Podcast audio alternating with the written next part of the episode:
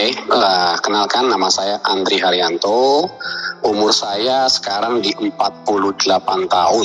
Awalnya saya ini pertama kali itu terjadi di akhir Agustus ya, di 2020. Nah, waktu itu saya mengalami, uh, kalau bahasanya kita tuh seperti sembelit. Ini kenapa nih bisa seperti ini? Apa ada ambeien atau apa gitu ya? Jadi saya pikir, ah lebih baik kita ke dokter deh gitu. Jadi saya akhirnya ke dokter di akhir Agustus. Uh, dan di dokter menyarankan saya untuk melakukan endoskopi. Itu ternyata confirm ya dokter menyatakan saya memiliki uh, tumor ganas ya atau bahasanya ini dikenal dengan kanker sepanjang 8 cm. Jantung langsung kayak mau copot ya. Uh, sudah stadium 3A. Jadi operasi pertama berjalan sekitar yang tadinya harusnya cuma dua jam setengah ya, itu jadi 4 jam setengah. Masuk ke tahap berikutnya. Saya dibikinin surat dari rumah sakit untuk melakukan yang namanya radioterapi dan kemo.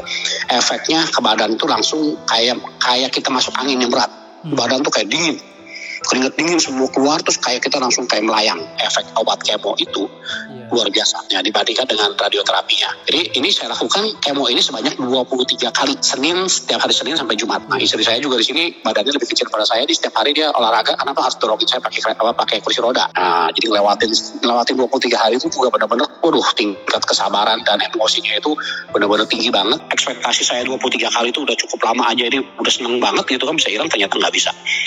Tambah lagi kemonya 14 hari. Setelah 14 hari ini bersama kasih obat yang sama tapi porsinya digedein. Jadi sekarang 4 4. Jadi sekali minum 2000 2000 masuklah ke selesai ke yang 14 harinya itu. Nah, seminggu uh, istirahat sebulan. Oke. Okay? Nah, saya harus masuk untuk lakukan yang namanya CT scan, selesai CT scan, tunggu hasil dua hari. Nah, jadi setelah dokter periksa melalui hasil CT scan tersebut, nah dia bilang ternyata ada lumayan mengecilnya sesuai dengan target, tapi masih masih kurang sesuai. Jaraknya antara anus yang saya diharapkan minimum di atas 5 cm, ini cuma hanya sekitar 4 cm, uh, 3,8 cm.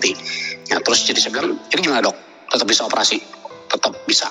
Oke. Okay saya deal sama dokter untuk operasi. Nah, jadi di Desember itu saya operasi di tanggal 15. Nah, jadi menurut dokter biasanya cuma sekitar 6 jam ya karena ini kan uh, operasi pengangkatan kanker jadi agak waktunya lebih panjang 6 jam. Ternyata harus uh, dioperasinya 11 jam. Setelah saya sadar saya tahunya cuma saya ada di mana sudah ada di ruang ICU. Nah, jadi operasi pemotongan kankernya itu sebenarnya perutnya ya hari-hari pertama di ruang kamar biasa sih hari pertama hari kedua masih agak sakit. Nah tapi sebenarnya setelah masuk ke hari ketiga yang di perut udah udah fine karena saya udah pengalaman dengan yang stoma. Tapi yang jadi permasalahan adalah sekarang justru sambungan antara anus dengan si uh, usus yang di bagian bagian dia dipotong dari anus. Saya pulang sorenya sekitar jam saya nyampe di rumah jam 3 sore malam sekitar jam 7 ternyata saya mengalami sakit lagi tuh. Saya sakitnya luar biasa, nggak tahan, akhirnya balik lagi ke UGD. E, dikasih painkiller, pakai infusan cepat, dikasih waktu observasi satu jam, oh saya bilang udah enak nih. Pulang lagi ke rumah dengan dengan PD-nya. Ternyata setelah e, dua hari kemudian sakitnya itu bahkan lebih dahsyat. Udah nggak sampai nggak tahannya, balik lagi lah saya ke rumah sakit dan di situ dinyatakan bahwa saya mengalami infeksi. Akhirnya harus lakukan lagi operasi berikutnya. Nah ternyata operasi ini juga wah biayanya lebih membengkak lagi. Kenapa? Karena saya harus perawatan lebih daripada 10 hari. Nah, selama masuk ke kamar perawatan, itu saya tidak bisa merasakan yang namanya lagi enak di enak buat tidur. Kenapa? Karena sakitnya lebih parah. Dikasih painkiller yang begitu banyak berbagai macam masuk ke badan saya. 31 Desember itu saya tanya sama dokter boleh nggak kita pulang karena saya udah merasa feel better akhirnya dokter bilang ya udahlah bisa tahun baruan di rumah dipulang. Jadi boleh pulang saya pulang ke rumah. Nah sampai sekarang jadi berarti kalau untuk kankernya sendiri saya sudah aman sudah bersih. Berarti disadari ya pak ya? Pasti butuh dukungan ya dengan support system. Oh itu ya. itu itu apa pasti harus harus benar-benar jadi dukungan ini ya jadi hmm. dukungan yang saya bisa kuat seperti ini yang pertama itu dari istri anak-anak hmm. saya pastinya harus kan hmm. kedua adalah saudara-saudara dekat kita yang paling utama lagi sahabat-sahabat kita saya juga bersyukur ya saya yang saya lakukan kemarin ini saya bukannya pansos sebenarnya pasang di Facebook itu ceritain masalah-masalah kanker ini saya ceritain detail-detail di sana sama di IG hmm. jadi sebenarnya justru mereka di situ yang membantu saya untuk jadi kuat karena mereka mendoakan semua jadi banyak yang nggak kenal pun juga dia bisa bisa WA ke saya, bisa DM ke saya, jadi begini ya, kita doakan sama-sama kita.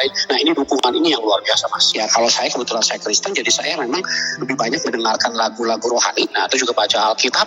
Nah jadi buat saya itu sangat membantu. Saat ini kondisi mental uh, Pak Andri sendiri seperti apa? Ya sempat juga marah gitu, marah ke semua tapi nggak bisa nggak bisa nggak bisa dikeluarin. Coba berdamai dengan diri saya sendiri ya untuk untuk menerima semuanya ini nggak gampang. Jadi yang kedua setelah saya berdamai dengan diri sendiri, walaupun kadang-kadang kita masih suka emosi, suka marah juga sama diri sendiri, tapi lama-lama saya coba untuk lagi pasrah pasrahnya artinya bukan ada pasrah adu batin ya pasrahnya artinya memasrahkan kita menerima apa yang sudah Tuhan berikan kepada kita ini sebagai sebagai ujian saya untuk buat naik kelas Ibu seperti apa?